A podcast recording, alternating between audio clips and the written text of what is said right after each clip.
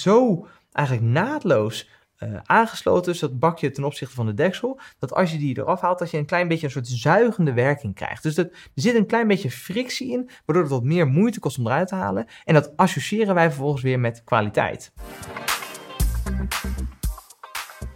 Goed dat je luistert naar de Neuromarketing en Gedragsbeïnvloedingspodcast. In deze podcast luister je elke week mee met de lunchwebinars van Unravel, waarin Tom van Bommel, Diede Vendrich en ik, Tim Zuidgeest, de laatste evidence-based insights uit de neuromarketing en gedragsbeïnvloeding delen. Vol met praktische insights die jij direct kunt toepassen. Voordat we beginnen met de aflevering, eerst nog even dit.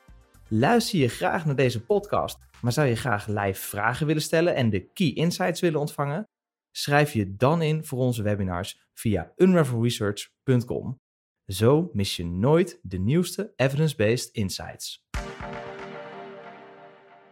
Een hele goede middag allemaal en welkom bij weer een nieuwe webinar van Unravel. De vijf meest gemaakte fouten op productverpakkingen. Nou ja, zoals jullie zien, uh, ik zit vandaag alleen. Uh, Tom zou normaal hier ook zitten, maar hij is nou, net vanochtend geland uh, vanuit New York. Had daar een aantal afspraken, dus aan mij de eer om deze, ja, deze webinar op me te nemen. En ja, ik vind deze ook echt onwijs leuk. Hij gaat dus over productverpakkingen en eigenlijk alle fouten die erop gemaakt worden. Ja, en er zijn echt onwijs veel ja, inzichten daarin eigenlijk al te weten, die je dus, als je die direct weet en gebruikt, al kan toepassen om te zorgen dat jouw verpakking uiteindelijk op het schap opvalt. Want dat is natuurlijk hetgeen waar het om draait. Um, ja, en, en vandaag dus daarin de vijf meest gemaakte, gemaakte fouten. Dingen die wij vaak terugzien in ons onderzoek, maar uiteraard ook gewoon op het schap. En ook uit groter wetenschappelijk uh, onderzoek, die we natuurlijk hierbij uh, kunnen betrekken. Um, huishoudelijk gezien, iedereen um, die hier is, welkom. Ook leuk als je weer eventjes wat van je laat horen in de chat. Dat kan altijd, die heb ik hier naast me staan. Uh, dat gebeurt altijd veel. dus ik hoop vandaag uiteraard ook weer iedereen die je vandaag meeluistert via de podcast ook uiteraard welkom. Um, voor de mensen die dat nog niet wisten, we brengen deze webinar uiteindelijk ook als podcast uit. Die kan je vinden op elk podcastplatform onder de naam van Unravel, neuromarketing en gedragsbeïnvloeding. Dat gezegd hebbende, uh, ja, laten we er gewoon induiken. Uh, heb je vragen, stel hem uiteraard in de chat, dan kom ik daar uiteraard natuurlijk ook aan toe. De vijf meest gemaakte fouten in verpakkingsdesign. En voordat ik het vergeet, ik had deze sheet expres nog even ingezet. Um, ik wil jullie een klein vraagje uh, stellen, of eigenlijk in zoverre. Um, of jullie me zouden willen helpen. We zijn namelijk benieuwd naar ja, wie jullie zijn, uh, wat jullie nog meer zouden willen horen in dit soort webinars. Um, dus straks uh, tegen het einde kom ik hier nog even op terug om te vragen of jullie bij, hierbij zouden willen helpen. En dat zou ik echt onwijs op prijs stellen.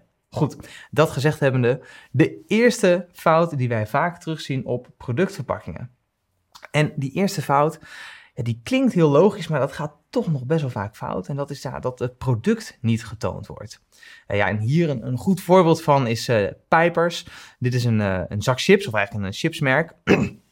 En ik, ik heb het hier vaak over met, uh, met Tom. Dan zegt ja, Tom, dit is misschien een van de beste chips ooit gemaakt. En dan zeg ik, ja, dan ga ik naar de supermarkt en zoek ik hem. En ik, kan hem dus ook recentelijk niet meer vinden. En een van de redenen waarschijnlijk is omdat de omzet van deze chips uh, terug ja, is gelopen. En een van de redenen waarschijnlijk komt dat omdat het product niet op de verpakking getoond wordt. Zoals je hier dus ook heel uh, duidelijk eigenlijk ziet. Ja, of eigenlijk dus niet ziet. En ze worden dus wat dat betreft zeldzamer op het schap, zou je bijna kunnen zeggen. Um, nou, waarom zien we nou dat dat zo effectief is? Um, het product tonen, ja, dat doet wat in het brein. Als we kijken naar eye tracking, en dat zien we dus ook in groter wetenschappelijk onderzoek, dan zien we dat 90% van de mensen, als ze in zo'n schap uh, kijken, dat ze hoofdzakelijk naar de afbeelding van het product kijken. Dus dat is eigenlijk al de eerste reden om altijd je product natuurlijk te tonen. En het tweede is ook, dat noemen we de existence bias. En dat is eigenlijk heel simpel. Als het er niet is, dan bestaat het ook niet. Oftewel, deze bias zegt eigenlijk van nou, als het product dus niet op de verpakking staat, dan kan je er ook moeilijk eigenlijk een voorstelling van maken, waardoor het dus ook ja, um, minder levendig wordt in het brein.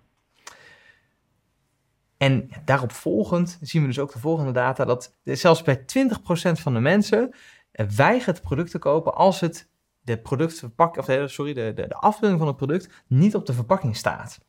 is natuurlijk ook best wel bizar. Uh, dat komt hè, voort uit dat existence bias, bias waarschijnlijk. En het is natuurlijk niet zo hè, dat mensen zouden zeggen, ik koop het niet als we het niet zien. Maar dat zien we echt in de verkoopdata, uh, in de eye-tracking data terug. Als er geen product op staat, dan zien we dat 20% van de mensen het product gewoon simpelweg links laat liggen. En dat het product dus nooit in het winkelmandje belandt. En dat is natuurlijk zonde, uiteraard.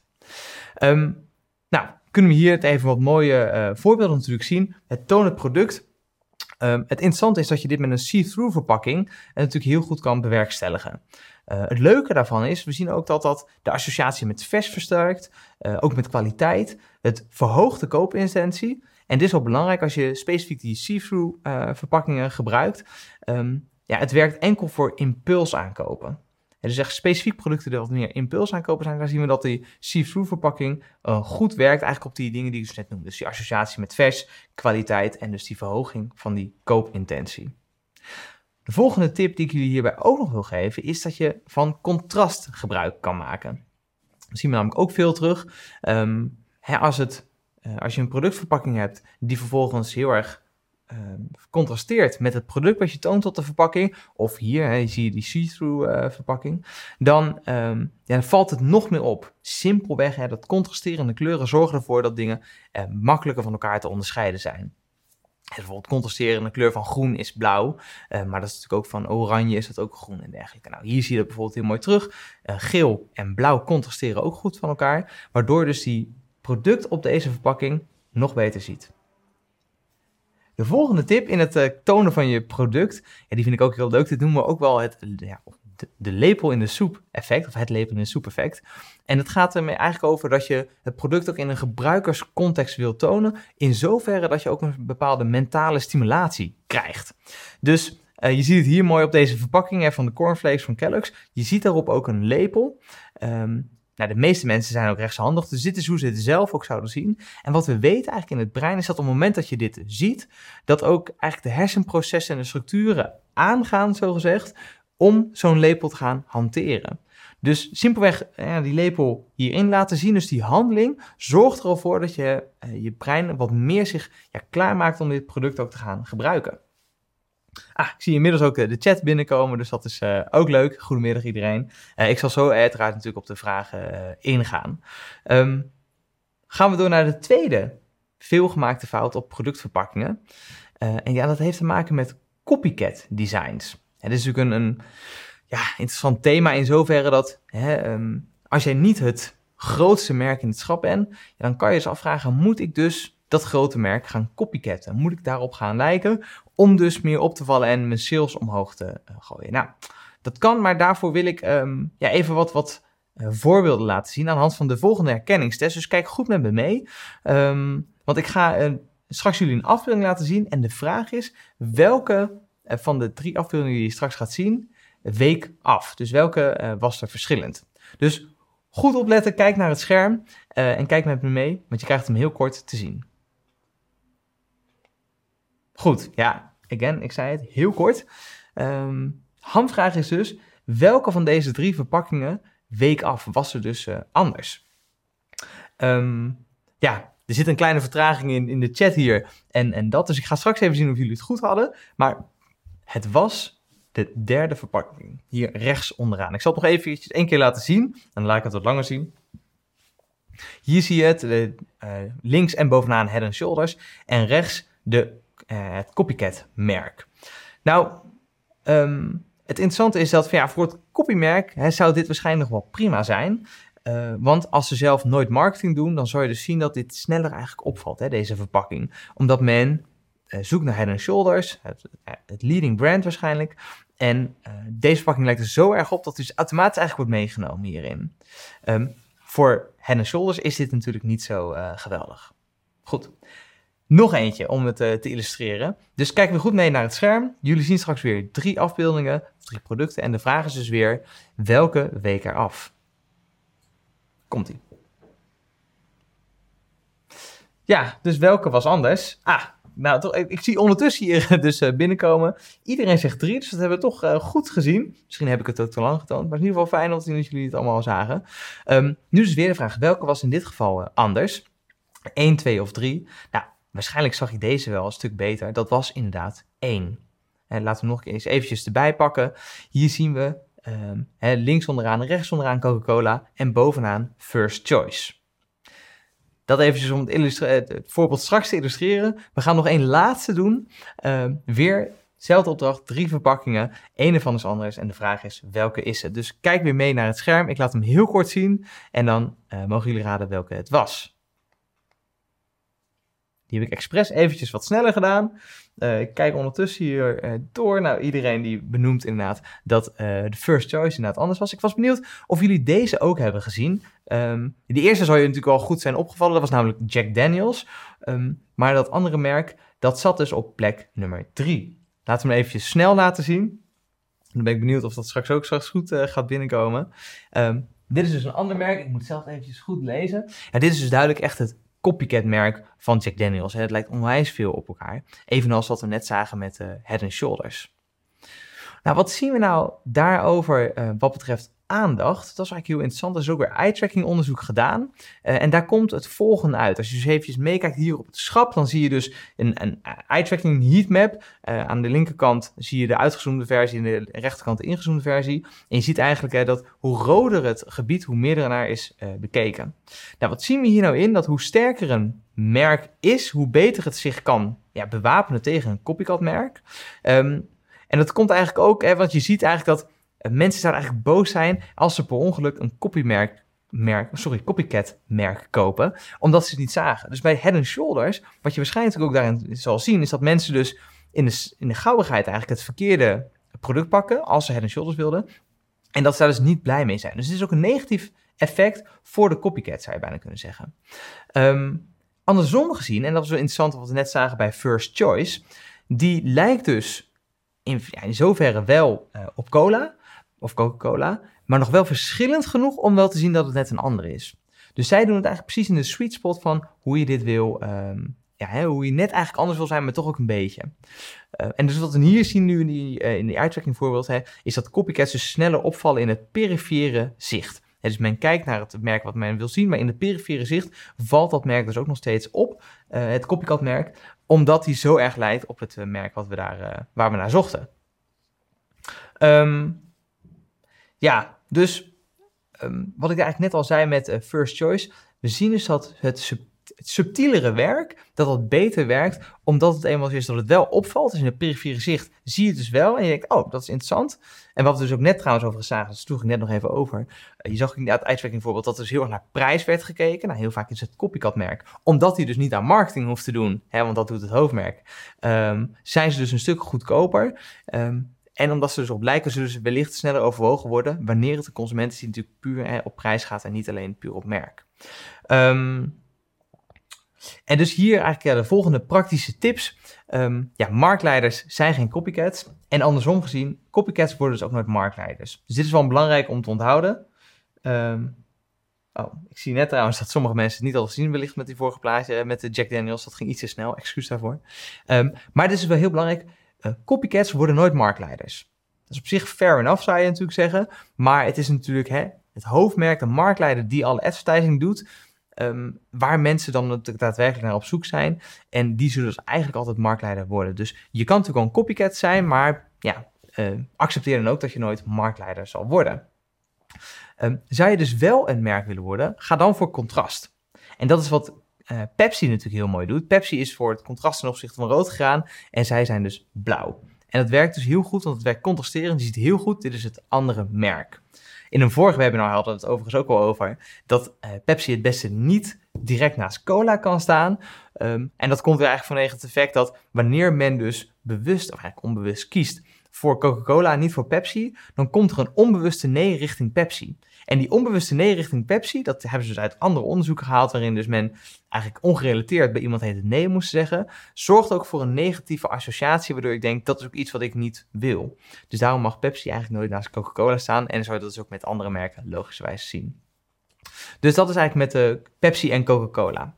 Um, ja, wanneer werkt copycatting dan wel goed? Ja, als je dus niet zelf aan merkbouw wil of kan doen, ja, dan is copycatting nog wel een heel interessant uh, gegeven, want je valt sneller op in het perifere zicht en zal dus ook sneller overwogen worden. En als je het doet, doe het dan subtiel. Ja, dus wel, de volgende is wel een leuke, want welke um, wat is nou een voorbeeld waarin het eigenlijk helemaal fout gaat? Dat zagen we met Coca-Cola en Dr. Pepper. Ehm, en ik had het hier met Tom over. En Tom heeft mij in vertrouwen, nee, heeft me in vertrouwen, ik was er in vertrouwen verteld, maar hij heeft me uh, ja, gedeeld met mij dat uh, hij vroeg echt gehuild heeft toen hij voor het eerst Dr. Pepper proefde. Want dat proefde dus totaal niet naar cola. En oprecht had ik dus weer op mijn beurt dat ik tegen hem zei, wat? Is Dr. Pepper geen cola? Ik dacht altijd dat het gewoon een soort cola was, maar ik heb het nooit gekocht, dus ik heb het ook nooit geproefd. Nou, ik heb het dus ook nog steeds niet geproefd. Uh, dus ik moet eventjes van Tom uitgaan. Dat Dr. Pepper dus totaal niet op uh, cola lijkt qua smaak. Terwijl als je dus hier het ziet, ja, het lijkt onwijs veel op Coca-Cola qua verpakking.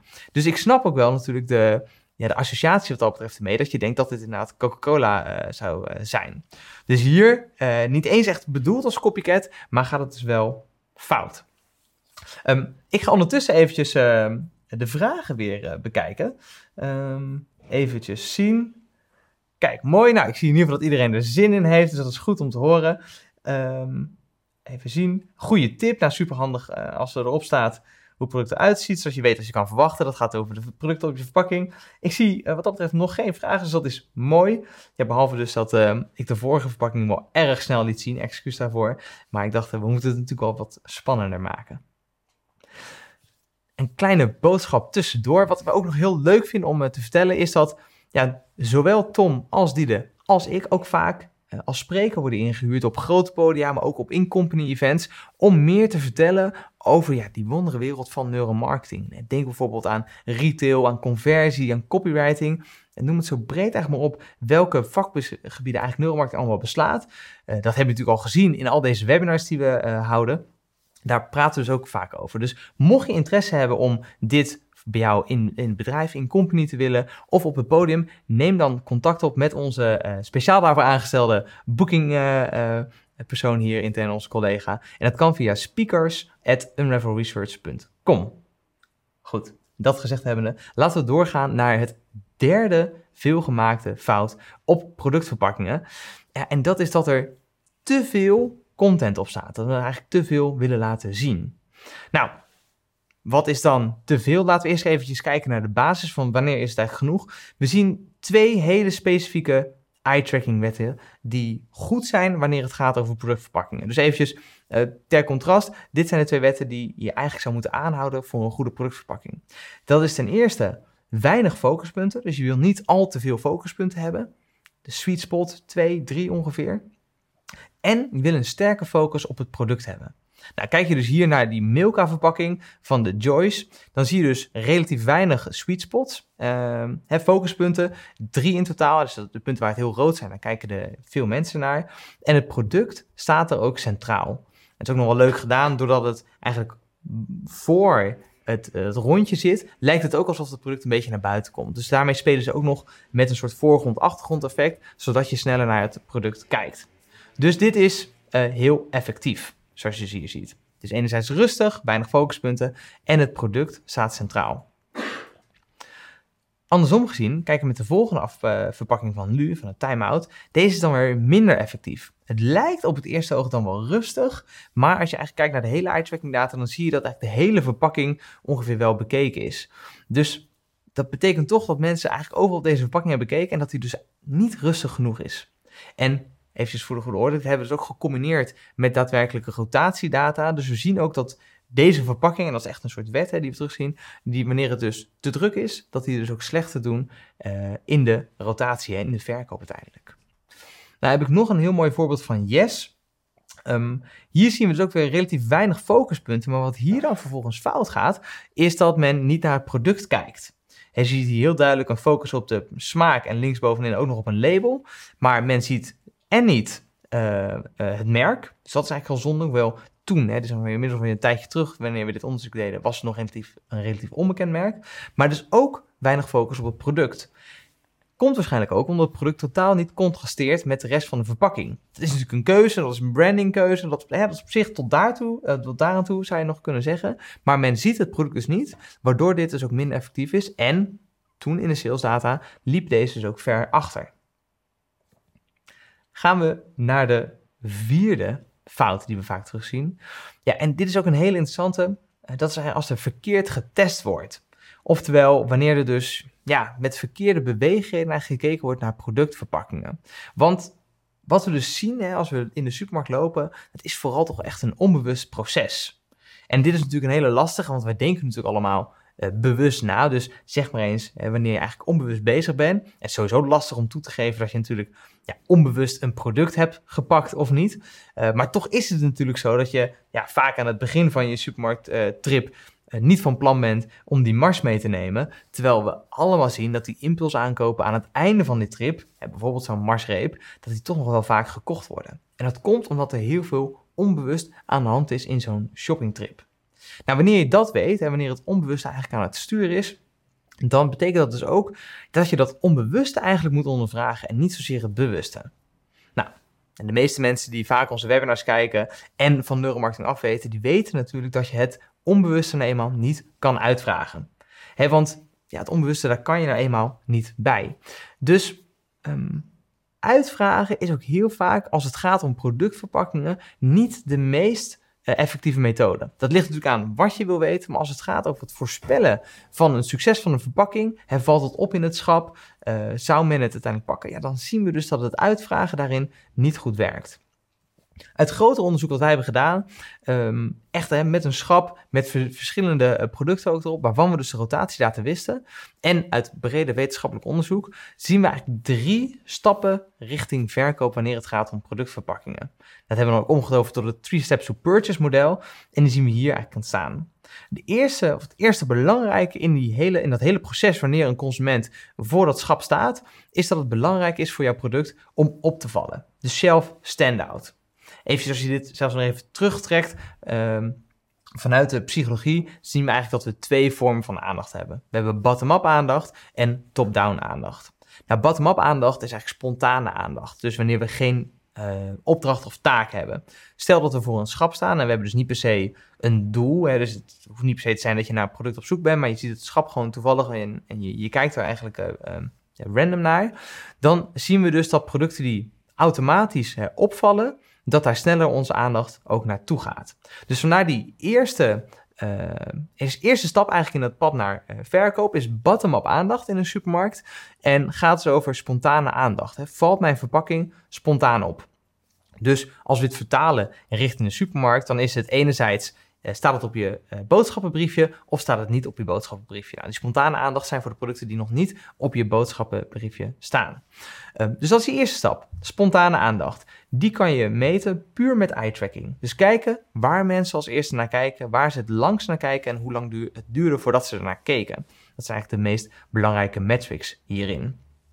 Puur uitwerking kan je dus ook niet uitvragen. want heel vaak zien we dat mensen als eerste naar bijvoorbeeld een product kijken, maar al zouden we het uitvragen, dat ze het derde product zouden noemen. Dat gaat, hè, dat komt omdat, het, ehm, omdat die ogen onwijs snel bewegen. Dus dat is eigenlijk die eerste stap die zo belangrijk is. De tweede stap is dus het tegenovergestelde van bottom-up aandacht. En dat is top-down aandacht. Top-down aandacht is als we dus uh, echt heel doelgericht zoeken. Nou, again, terug naar het supermarktvoorbeeld. Dat is natuurlijk wanneer er iets op je boodschappenlijstje staat. Uh, ik wil bijvoorbeeld Coca-Cola uh, kopen. dan ben je dus doelgericht aan het zoeken naar hetgeen wat je herkent. Dus dit laat zich ook weer goed uitmeten met eye tracking. Alleen dan is de opdracht voor de participant hier niet om een product uit te kiezen wat men lekker vindt, maar om specifiek te zoeken naar, in dit geval bijvoorbeeld Coca-Cola.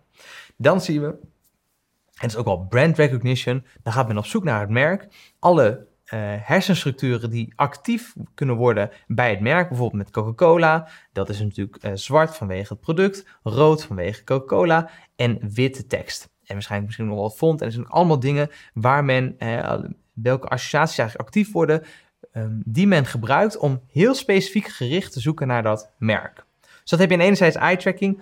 Een andere tool die je hier natuurlijk ook nog bij kan inzetten is de impliciete associatietest. Om dus te gaan ontdekken welke uh, vormen, welke uh, ja, assets, hè, dus uh, wat men allemaal gebruikt in die zoektocht om een merk te gaan herkennen. Of voor that matter, om bijvoorbeeld een tweede verpakking te testen en te zien of men nog steeds het merk herkent. Dat kan je natuurlijk zowel met eye tracking als met die impliciete associatietest doen. Goed, kijken we weer naar de supermarkt. Dan is de eerste stap dus, uh, zoals we zeiden, überhaupt het opvallen. Want als je, wordt, als je niet opvalt, word je überhaupt niet meegenomen in het overwegingsproces. In de tweede stap zien we dat wanneer mensen het op het boodschappenlijstje hebben staan, of het dus ook snel gevonden kan worden. En dan heb je nog als laatste hè, de stap, en dat is purchase activation. Ik kan je natuurlijk voorstellen als jij natuurlijk een paarse verpakking maakt, dat je wel opvalt, maar dat je wellicht niet goed gekocht wordt als het gaat in een schap waar totaal geen paarse uh, verpakkingen zijn.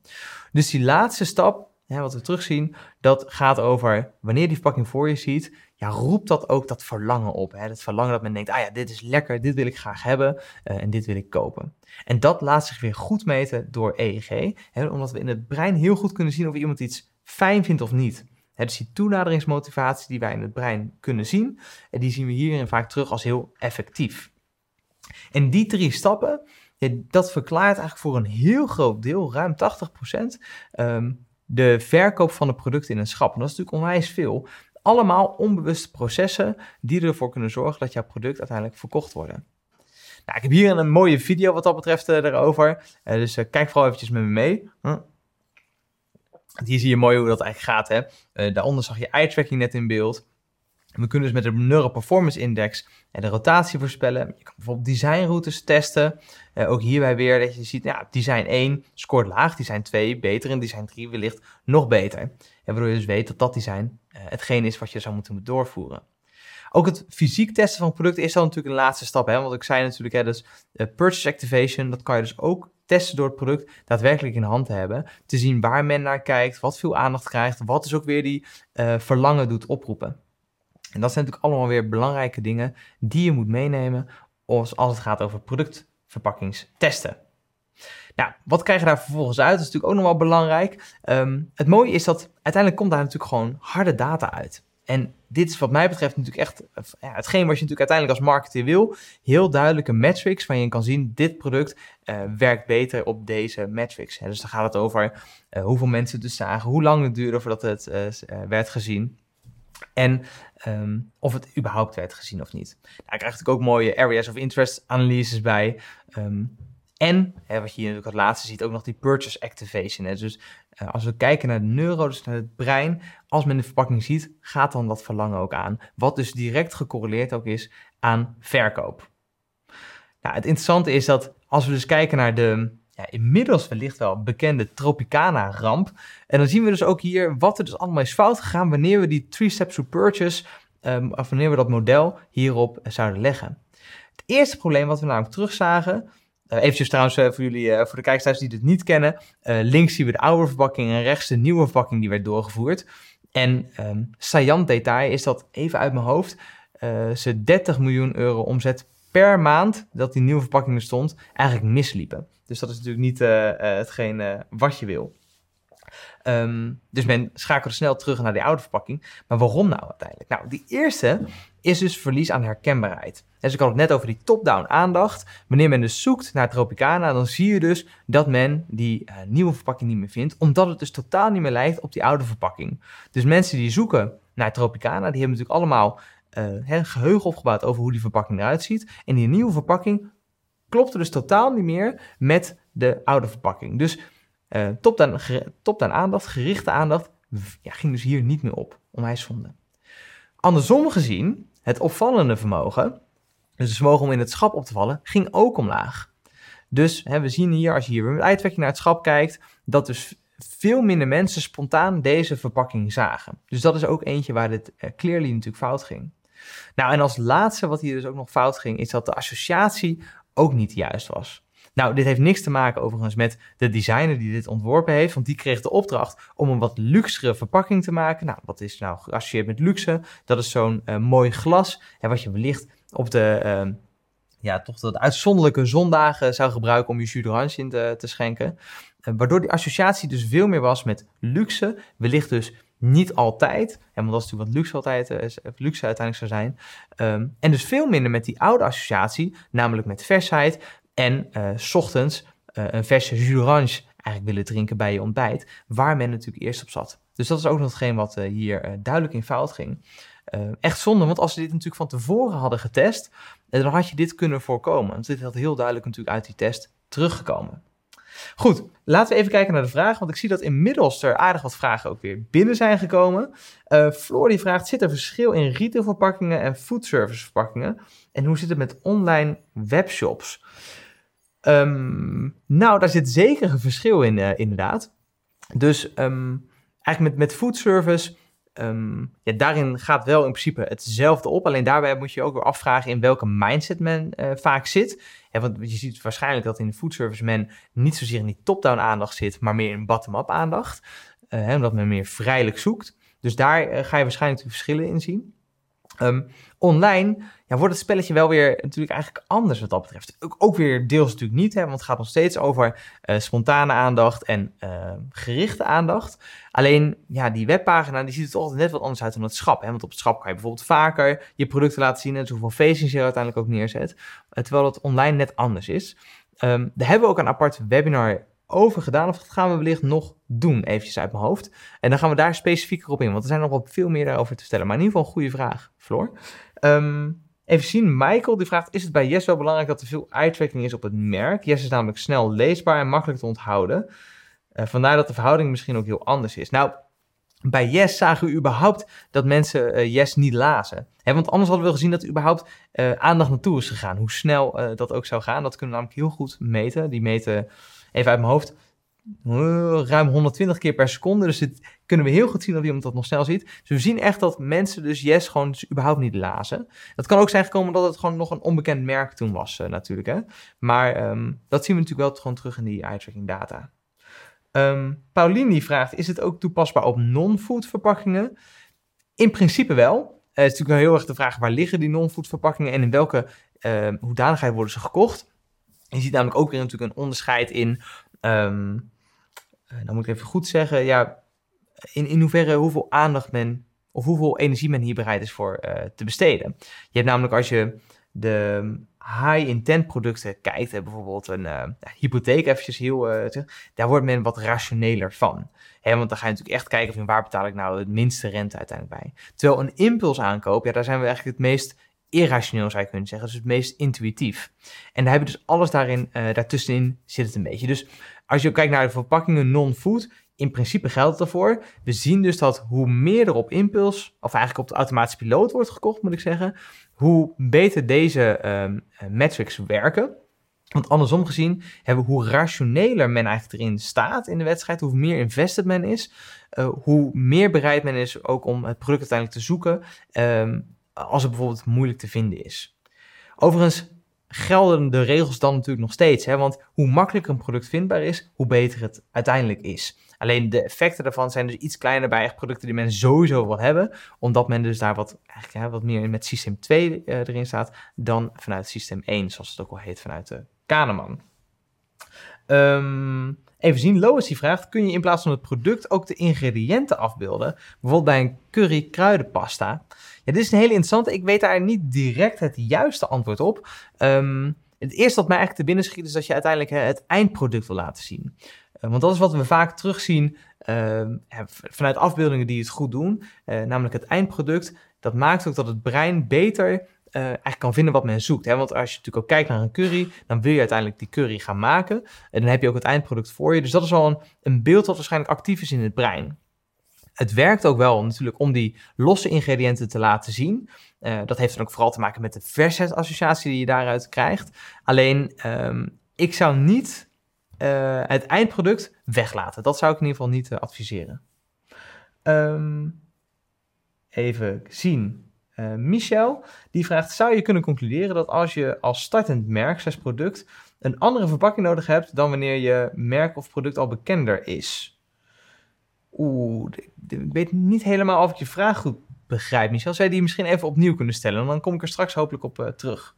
Even zien. Suzanne, die zegt, ja, in de Albert Heijn is me opgevallen dat het snoep van Albert Heijn, huiswerk, een witte verpakking heeft, terwijl ander snoep in felgekleurde verpakking is. Is dit slim van Albert Heijn of juist niet? Nou, dit was mij inderdaad ook opgevallen, Suzanne. Um, ja, of het slim is of niet, we hebben het onderzoek er niet naar gedaan. En dit is typisch zoiets, hè, uh, dit is het onbewuste wat natuurlijk aan het werk is en niet per se het bewuste. Ik kan daar natuurlijk wel some educated guesses naar doen. Um, maar ik vroeg me inderdaad ook af, waarom zouden zij het in een witte verpakking hebben gedaan? Dat zou natuurlijk enerzijds kunnen zijn om goed te contrasteren ten opzichte van de uh, soms ook donkere verpakkingen die we vaker terugzien natuurlijk in het snoeppak, of die hele kleurrijke verpakking. Dus het kan een goed contrasterend effect natuurlijk hebben. Um, de associatie met wit vind ik zelf alleen wel een gek, want ik heb toch weer wat meer associatie met nou, tandpasta en met gezond en dergelijke. Dus ik, ik voel hem wat minder. Alleen, ja, zo'n associatie zou je echt goed moeten uittesten. Dus um, ja, ik moet dit antwoord ook schuldig blijven, omdat we hier natuurlijk geen onderzoek naar hebben gedaan. Naast dat ik het ook wel een aparte keuze vind. Marco dan. Ehm, wat is het belangrijkste dan bij verpakkingen van producten die bewust gezocht worden als oplossing voor iets? Dus waarbij wellicht het merk niet eens bekend is, maar de geschiktheid voor succesvol toepassen des te meer. Dus geen impulsproduct of fast moving product, maar bijvoorbeeld gebruiksartikelen. Ehm, nou, eh, dat is een hele interessante.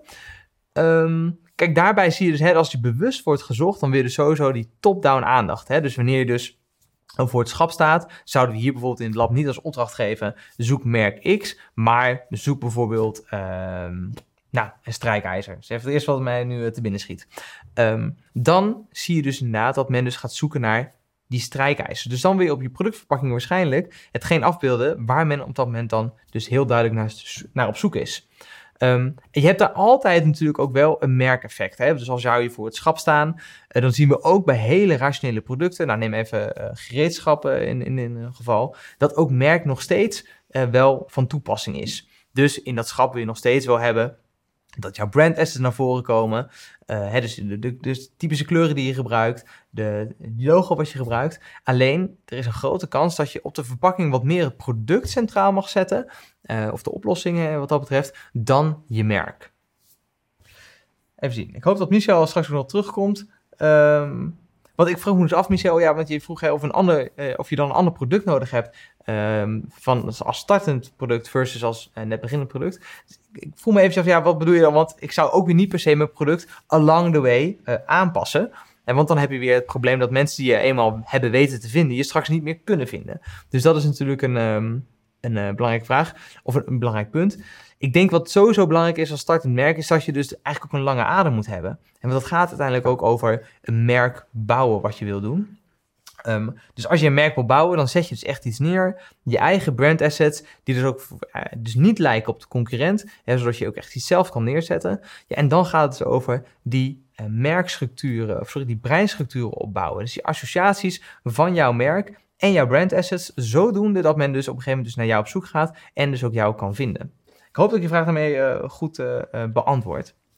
Uh, want we gaan natuurlijk inmiddels door naar de vijfde wet. En dat is de usability, oftewel de gebruiksvriendelijkheid van het product. Dit is eentje die ook ja, toch voor mijn gevoel vaak wordt overgeslagen. Um, en dat gaat eigenlijk over ja, het gebruik dus van het product. Je hebt ook wel een soort met, ja, feedback hè, bij het openen, zoals je hier dus eigenlijk mooi ziet. Um, we willen namelijk dat zo'n product niet te makkelijk open gaat.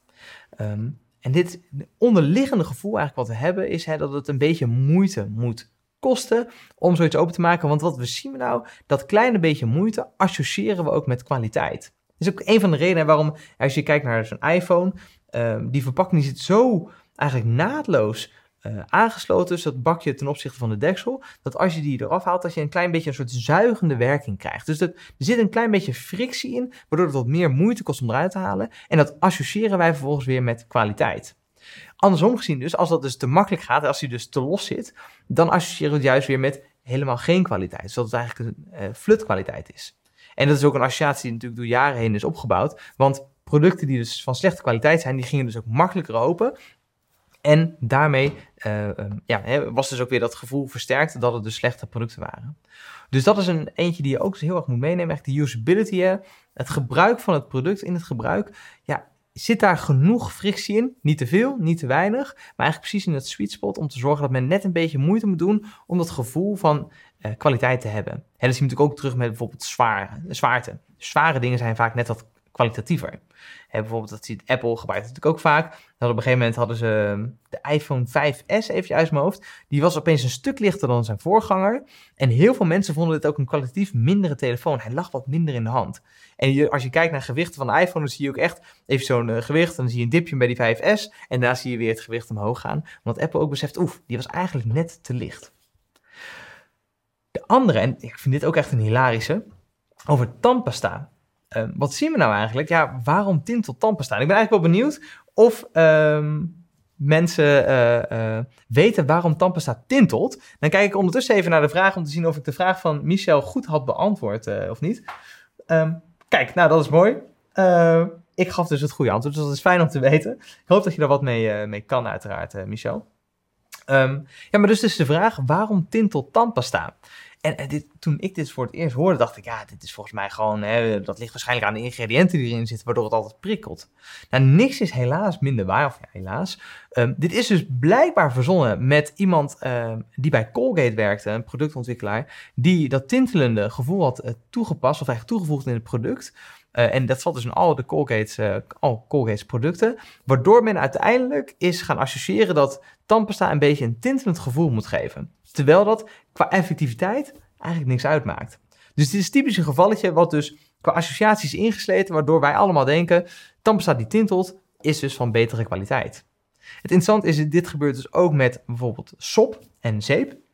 Um, in principe heb ik mij laten vertellen dat een, uh, een goed afwasmiddel niet per se hoeft te schuimen om nog wel gewoon zijn werk te doen. Nou, ik denk dat het beste voorbeeld misschien eigenlijk is uh, als je kijkt naar een, uh, een um, wasmachine, ja, die gewoon kleren was, daar zit ook relatief weinig schuim in en toch wordt het natuurlijk schoon.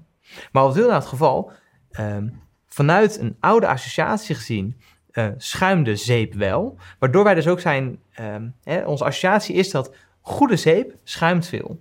Wat dus ook blijkbaar de reden is, again, dit heb ik mij dus ook moeten laten vertellen, dat Dreft extra eigenlijk hè, schuimend een, een, middel toevoegt, extra, wat dus niet per se het schoonmaak uh, ja, verbetert, maar waardoor wij wel denken dat dus het product uiteindelijk schoner is. Dus ook hierbij weer eigenlijk het feedback wat je hebt bij het gebruik, wat je natuurlijk uiteindelijk uh, wil hebben, om te zorgen dat men dus ook de juiste ja, productervaring en beleving heeft. Nou, die eerste stap, uh, die wil je dus ook meten. En dat zie je hier mooi terug eigenlijk ook in deze video, waarin we bijvoorbeeld een product ook echt meten. Dat gebeurt weer met eye tracking en EEG, waarmee je dus ook heel goed ja, die eerste aanblik, hè, dat aanraken, dat openmaken en dergelijke goed kan meten. Hm. Nou, dit is wel leuk inderdaad. Mensen geven inmiddels uh, ook de goede antwoorden terug van waarom we het tandpasta gebruiken. Omdat je het gevoel hebt dat het werkt. En hetzelfde dus met Treft, wat Michel dus uh, ook inderdaad wist. Dus uh, we zitten op, duidelijk op één lijn. Goed, dat waren de vijf fouten. Nou, voordat je weggaat, want we gaan straks natuurlijk nog even naar de takeaways. De vraag die ik jullie wilde stellen. Uh, als het goed is, inmiddels heeft mijn collega eh, net een mailtje eruit gedaan met daarin een, een korte surveyvraag voor jullie, of een aantal vragen. omdat we gewoon eigenlijk benieuwd zijn ook naar wat voor onderwerpen jullie nog meer willen horen. Um, überhaupt ja, wat jullie doen en dergelijke. Zodoende dat wij onze webinars ook nog beter kunnen insteken. Dus uh, mocht je vandaag deze webinar waardevol hebben gevonden, dan zou ik het echt ontzettend op prijs stellen als je voor mij die paar minuten de tijd zou willen nemen om die survey in te vullen. Mijn dank daarvoor is heel groot. Dus alvast daarvoor bedankt. Dat gezegd hebbende, laten we gaan naar de takeaways. Uh, van de verpakkingsfouten. De eerste takeaway, ja, is de vraag, speelt je verpakking in op het onbewuste? En denk hier dus ook goed over na. Een effectieve verpakking, ja, die pakt automatisch de aandacht en die automatische piloot van de shopper. De tweede takeaway van vandaag, ja, je verpakkingsdesign test je die wel op de juiste manier. En we weten dus, onbewuste processen moet je dus ook onbewust meten en niet bewust. Dus kijk uit met uitvragen. Again, voor elke methode is zijn plek en zijn tijd. Maar wanneer je dat onbewuste proces wil meten en in 80%, misschien nog wel meer, uh, van de aankoopbeslissing is onbewust in de supermarkt, wil je dus ook die onbewuste methodes gebruiken. Dat zijn bijvoorbeeld eye tracking en EEG, zodat je ook echt die performance metrics in kaart kan brengen. En de laatste tip, die dus helaas vaak wordt overgeslagen, maar dus niet minder belangrijk, vergeet niet de gebruikerservaring. een goede verpakking, die maakt het uh, productgebruik ook aantrekkelijker en makkelijk, maar zoals we zagen, niet te makkelijk. Goed, dat gezegd hebbende wil ik jullie ontzettend bedanken weer uh, voor uh, ja, het, het, volgen van deze webinar. Uh, of van de podcast uiteraard. even goed. Ook voor de vragen en het meedoen in het chat. Dat doet me altijd weer goed om te zien dat er zo actief wordt meegedaan. Um, de volgende webinar is weer over twee weken. Ik moet eventjes aan blijven. Of ik kan het eventjes snel gaan kijken. Wat, waar de webinar over gaat. Tenzij mijn collega mij wellicht snel kan inlichten. Um, pom, pom, pom, pom. Nudging en gedragsbeïnvloeding voor sport- en lichaamsbeweging. Dat wordt de volgende webinar. Dus dat wordt ook weer een hele interessante. Uh, excuus dat ik het eventjes moest opzoeken. Uh, maar het is uiteraard niet minder ge gemeend. Dus weer een nudging en behavior webinar. Ook onwijs leuk. Um, ik wens jullie uiteraard een hele fijne dag nog. En graag tot de volgende webinar. Voordat je gaat, nog een paar dingen. Vind jij het belangrijk om op de hoogte te blijven van dit soort nieuwe inzichten? Schrijf je dan in voor onze webinar nieuwsbrief op unravelresearch.com. Wist je trouwens dat Tom, Diede en ik ook te boeken zijn als gastspreker? Of als je meer de diepte in wilt gaan voor een in-company masterclass of inspiratiesessie? Neem voor meer informatie hierover contact op met emily at Heb je vragen of suggesties over deze podcast? Laat het me vooral dan even weten via tim at En als laatste, vond je deze podcast waardevol? En denk je nu aan één persoon die deze aflevering ook zou moeten luisteren? Stuur hem dan vooral door. Of geef ons een beoordeling in jouw podcast-app. Zo kunnen andere mensen deze podcast ook sneller vinden.